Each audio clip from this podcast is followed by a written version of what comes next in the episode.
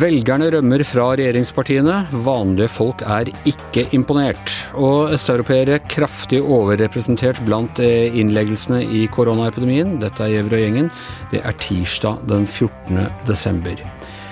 Uh, ja, Tone Sofie Aglen. det er en ny meningsmåling presenteres i VG nå i ettermiddag som viser at um, etter en sterk valgseier så har Støre og Vedum uh, egentlig fått en svært dårlig start på, på, sin regjeringsperiode. Det blir herjet med av en skamløs opposisjon, som du uh, formulerer det. Og de etterlater inntrykket av at de sleper beina etter seg. Ja, for en start. Ja, for en, for en dårlig start. Og er, det, er dette altså, Det er vel selvfølgelig deres egen skyld, men er det, er det strøm, er det korona, er det strøm og korona, eller er det andre faktorer? faktorer du tror først og fremst uh, har ført til dette? Nei, jeg tror nok det er en uh, kombinasjon av uh, flere ting. Jeg tror nok det viktigste er nok at de har fått de to krisene i fanget, både strømkrisa og koronaen, som jeg tror de ikke var forberedt på.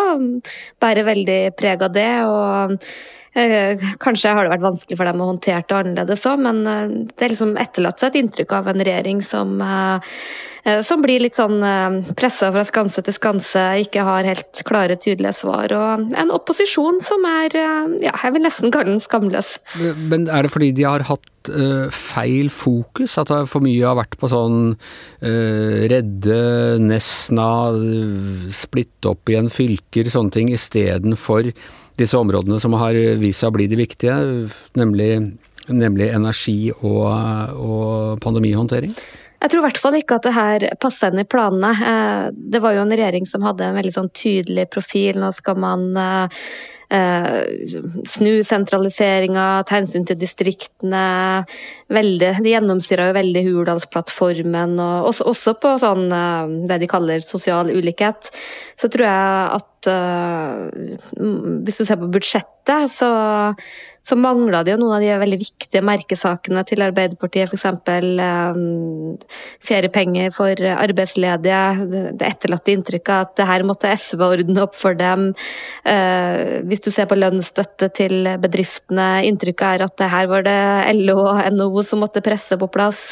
Jeg tror det er litt sånn, er litt sånn medvirkende at de framstår som litt sånn defensive. Og i tillegg så tror jeg nok at uh, både strøm og pandemi har en ganske stor del av uh, uh, skylda, om vi kan kalle det. De var jo ikke forberedt på det, og det var kanskje ikke så lett å være det heller. Vi trodde jo alle i høst at pandemien var over og at det var andre ting man kunne konsentrere seg om, og så kom det her veldig brått på. Men det er jo sånn med meningsmålinger, som en tidligere kollega har pleid å si, det irriterende er at det alltid noen som må gå frem også, ikke alle kan gå, gå tilbake, tilbake, samtidig. Og hvem i den skamløse opposisjonen, som du kaller det, er det som, som går, tjener på dette? Nei, det, det, interessante nå er jo at uh, Arbeiderpartiet og Senterpartiet går tilbake samtidig. For det som liksom har vært uh, melodien de siste årene, er jo at når Arbeiderpartiet har gjort det dårlig, så har jo Senterpartiet tatt velgerne deres og gjort det uh, veldig bra. Nå sliter de jo begge og går begge markant tilbake, og de som vinner på det, er først og fremst Høyre, som er nå er litt sånn tilbake med gammel storhet som vi så når Erna Solberg sto på pressekonferansene og stengte landet ned. Da flokka folk seg rundt henne. Så ser vi også at venstreopposisjonen, SV og Rødt, eh, også gjør det veldig bra hos oss. Og det er jo også i tråd med hvordan de framstår på Stortinget som litt sånn de som eh, enten eh, presser regjeringa på pandemi, eller som presser regjeringa med mye mer penger og mye tydeligere tiltak på strøm og usosiale kutt og det de kaller det, da. Ja, Du og jeg hadde jo besøk av eh, Erna Solberg her i studio for en snau uke siden, og vi eh, prøvde jo å høre med henne dette med at hun ikke syntes at at det var en skamløs opposisjon. Hun kjørte ved å være så kritisk med en gang til sånne situasjoner som måtte være vanskelig for, for regjeringen å, å forutse. Men det kan jo tyde på at det strategisk sett har vært helt riktig ennå? Ja, hvis vi liksom kun snakker om strategi og ikke hva som er riktig, da, så tror jeg nok at det Høyre gjorde um, de siste ukene, hvor de etterlyste mer tiltak, mer kraftfulle tiltak, var veldig spørrende til at regjeringa var for tilbakelent. Eh, men, men når regjeringa først kom med tiltak, så var jo Høyre de som ikke kritiserte, eller som eh, eh, De hadde på en måte bereda liksom grunnen for at liksom Hva var det vi sa? Høyre forutså det her. Og hva vet jeg, kanskje gjorde det òg. De har jo mye mer erfaring med pandemihåndtering og tolke signaler fra helsemyndighetene enn det, det nye har. Og så ser vi både Venstre og KrF de og kappes jo med alle andre om å komme med all mulig kritikk i alle himmelretninger. Så det, de blir liksom utsatt for kritikk fra alle, rett, alle himmelretninger. Og så tror jeg til regjeringas forsvar, da, så tror jeg det er en helt annen uh, situasjon i opinionen nå. Jeg tror uh, For et år siden eller to så tror jeg folk var mye reddere. Um, var lydige når, uh, når, Erna og Bent snakka. Da gjorde man som man ble fortalt og trodde at de ville det beste. Nå merker vi at media er mye mer kritisk. Folk har ulike syn på om det her er riktig eller ikke ikke, folk er ikke så redde på samme måten. Og, altså jeg tror det er mye vanskeligere for eh, regjeringa å, å, å, styre både kommunikasjonen og at tiltakene treffer. da. Hva med SV, som altså hoppet av regjeringsforhandlingene eh, i starten. Eh, hvordan har de klart seg i opposisjon?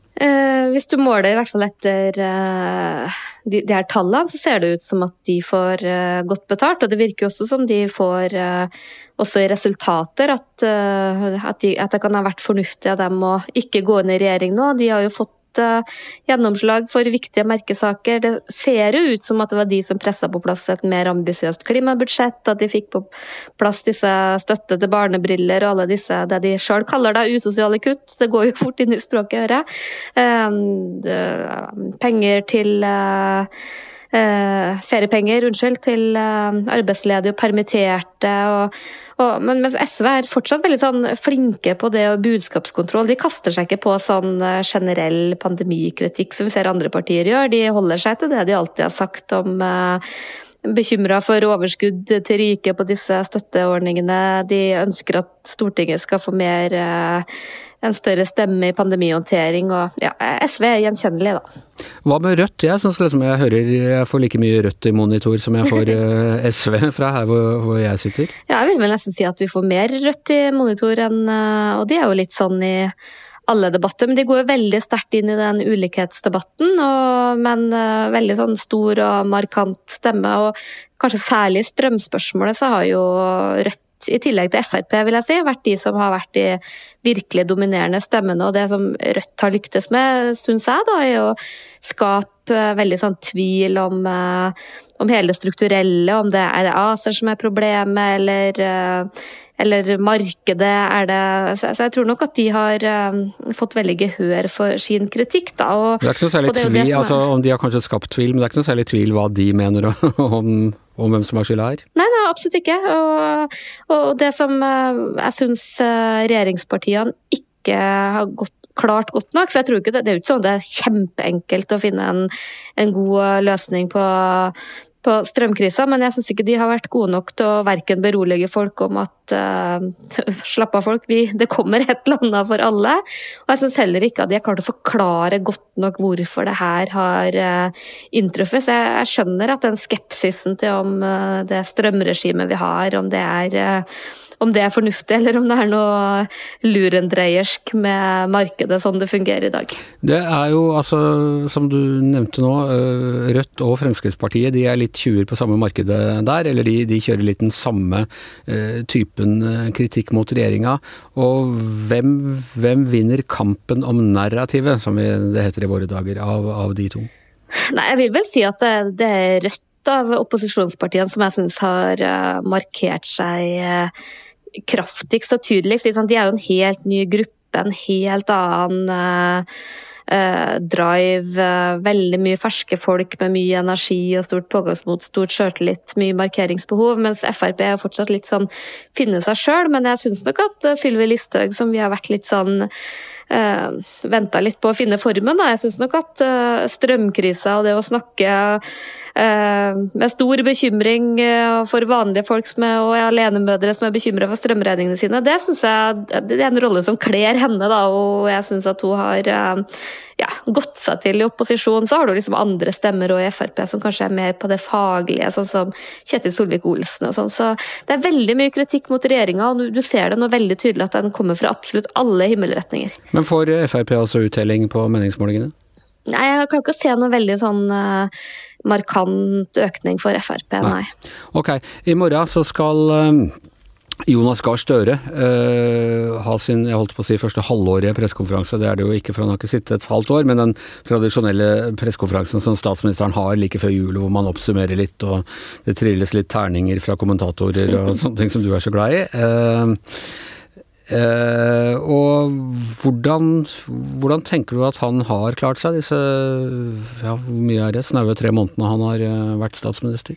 Nei, det er jo vanskelig å gi noe høyt eh, terningkast på det her. Jeg mener jo at utgangspunktet deres var veldig godt, med et eh, godt valgresultat, veldig klart eh, prosjekt. Jeg trodde det var mye entusiasme. og så går, går det jo ikke så bra med det.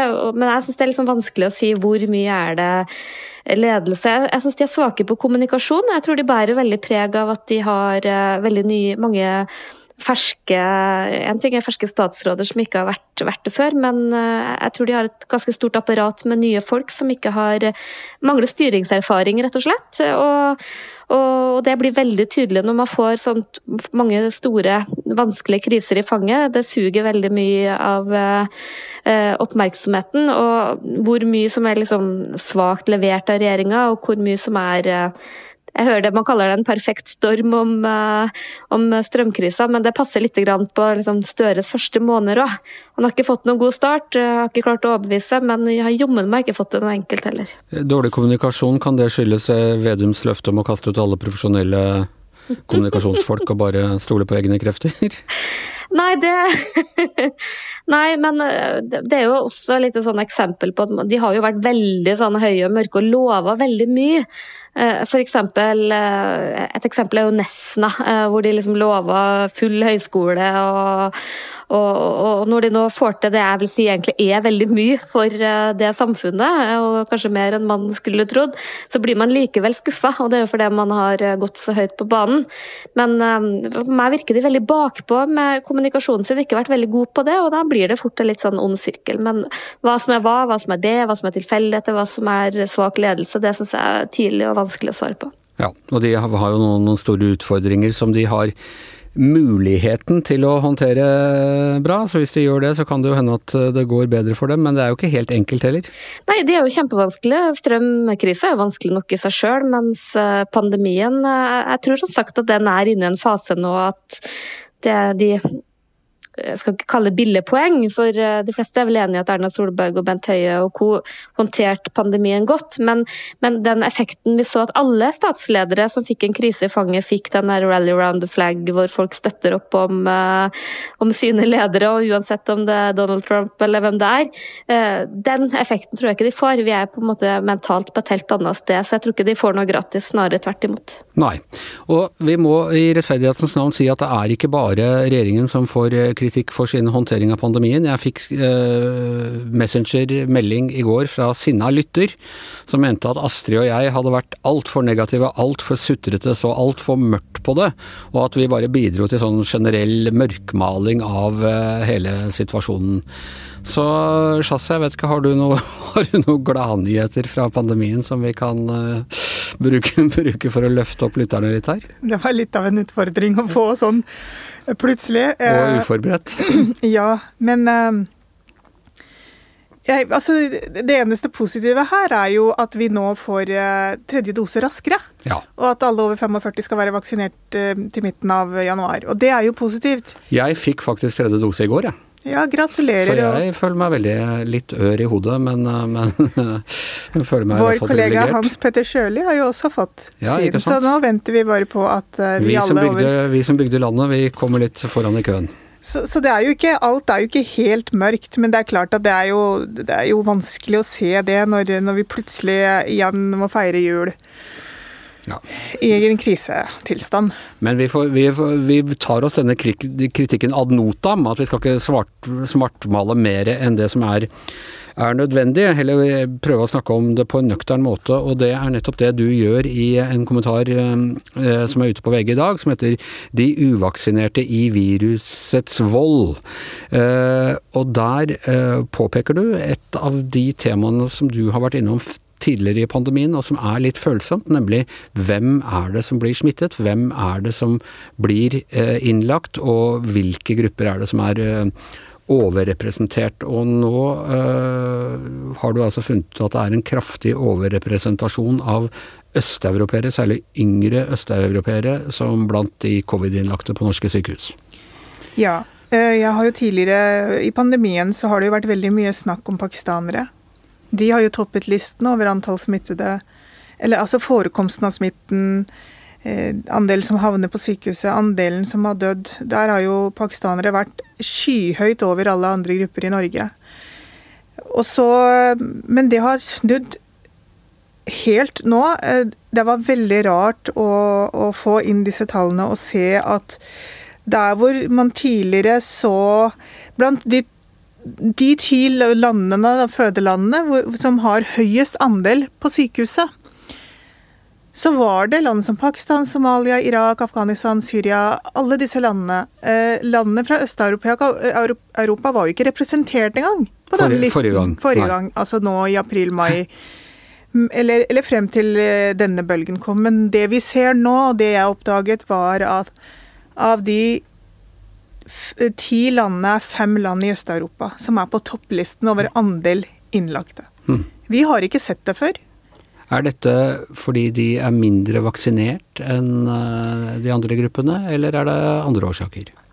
Vi vet ikke, men det er nærliggende å tro at det kan ha noe med vaksinasjonsgraden å gjøre.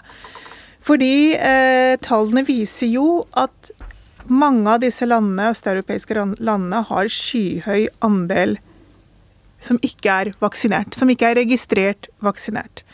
Så det sier seg selv. Men jeg, jeg tenker også, dette skriver jeg også, at de forklaringene vi har fått på at enkelte innvandrergrupper er overrepresentert, de gjelder også disse som antagelig er De fleste er arbeidsinnvandrere. sånn at de har andre sosioøkonomiske forhold.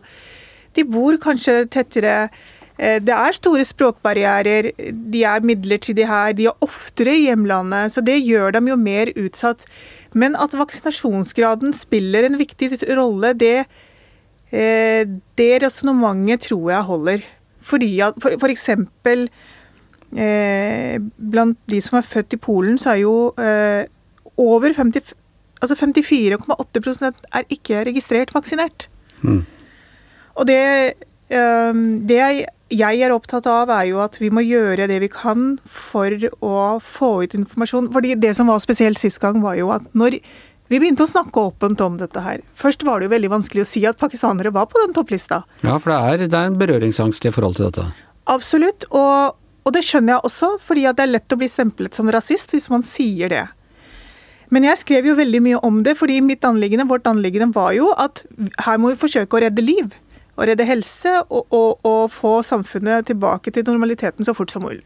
Og det er den samme motivasjonen jeg har nå for at eh, jeg skriver om det. Vi, vi må sette inn støtet der det på en måte brenner mest. da. Og, og de, som, de, som på, de som, er uvaksinert og ligger på sykehuset i dag, medianalderen, eller ja, snittet da omtrent, det er De er 50 år gamle. Det er typ 30 eh, år yngre enn de som er øh, vaksinerte og ligger på sykehuset. Men det skal, det skal sies, det er fortsatt pakistanere som topper listen.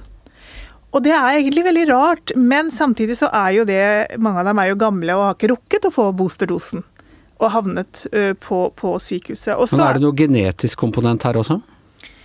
Det er det de sier. Oxford har jo gjort en stor studie hvor de har sagt at ja, øst-sørasiatere er mer disponert for alvorlig forløp av covid. At det er eh, altså, genetisk disponert. Men det er så mange ting som vi er på en måte usikre på. Og er, jeg tror ikke det er ett svar eh, på dette, men at, eh, at vaksinegraden har noe med dette å gjøre, tror jeg, i hvert fall for østeuropeere, tror jeg er, er riktig. Men uh, altså, er, du sier at det er lett å bli stemplet som rasist i det hele tatt. Er det lettere for deg, som selv har norsk-pakistansk bakgrunn, å, å, snakke om det enn det ville ha vært for, for meg, f.eks.? Jeg tror det er helt riktig det du sier der. Jeg tror ikke Jeg har vært uh, Dette har jeg tenkt mye på. Jeg har vært veldig åpen og ærlig og tidvis krass når jeg har skrevet om pakistanere, fordi jeg har pakistansk bakgrunn selv. Jeg tror ikke du kunne skrevet de kommentarene. Nei. Det må vi bare være ærlige og innrømme. Ja, ja, jeg, jeg, jeg, tror at uh, terskelen for uh, hva jeg kan skrive om dette, tror jeg på en måte er eh, lavere fordi jeg er jo ikke rasist, og det er jo ikke du heller, men så, så, sånn er det jo. Det er vanskeligere å mistenke deg for det enn det er eh, meg, tross alt. Ja, og så har jeg jo også vært veldig opptatt av at utgangspunktet mitt har jo vært, eh, som jeg sa i stad, at vi skal prøve å forhindre det. Og ikke polarisere. Det er jo det som er så vanskelig. Eh, å sk kunne skrive på en måte som ikke eh, polariserer ting ytterligere, at vi peker ut enkelte grupper og henger de ut. Og, og, der tror jeg det er viktig å si dette at de det går mest utover, er jo de som faktisk ligger på sykehuset. Ja. ja. ja nei, så det er en, en viktig diskusjon, og, og, det er en vanskelig diskusjon. Fordi det kan være kanskje vanskeligere for myndighetene å, å, gå ut på den måten. Og det er folk på begge sider av spekteret som ønsker å, å bruke denne typen eh, diskusjoner til eh, økt polarisering. Enten ved, enten ved, å liksom hevde at det er ja, å gå til angrep på de gruppene som er mest utsatt, eller ved å hevde at det er rasisme og i det hele tatt problematisere det. Ja. Vi har jo egentlig sett veldig lite mediedekning av uh, de som ikke er vaksinert og er innlagt. Det, det, har vært litt underdekket. Jeg tror det er vanskelig å snakke om det. Men samtidig så er vi helt avhengig av at vi får vite så mye som mulig så fort som mulig sånn at tiltakene kan spisses. Og det var jo det vi gjorde med i forrige bølge, hvor, hvor, på en måte man kjørte ut et batteri av tiltak rettet mot innvandrergrupper. ikke sant? Eh, informasjon som ble, ble eh, oversatt eh, og alle mulige kanaler de gikk ut i. Og så ble jo vaksinen skjevfordelt i Oslo til de bydelene hvor det bodde mange med innvandrerbakgrunn. Ja. Og det var ene og alene fordi at vi begynte å snakke åpent om hvem som faktisk nå ble rammet. Ja, så dermed får man mer pinpointa hvilke områder det er viktig å sette inn støtet for. Eh, akkurat nå har det vært bydel Frogner, der bor jeg. Det er kanskje derfor jeg fikk den der boosteren eh, så tidlig. Vi er jo problemgruppa der. Ok, eh, jeg tror vi må si at eh, Giæver og gjengen er over for i dag. Tusen takk til Tone Sofie som var med oss digitalt. Tusen takk til Shazia. Du og jeg er faktisk eh, på jobb i dag som de eneste i kommentaravdelingen. Riktignok med vinylplate med Nei, hva heter det? Pleksiglass, Pleksiglass uh, mellom oss. og, og Eh, borti et hjørne sitter også vår produsent Magne Antonsen, like populær blant vanlige folk som i eliten i sin egen pleksiboble. Vi høres igjen i morgen.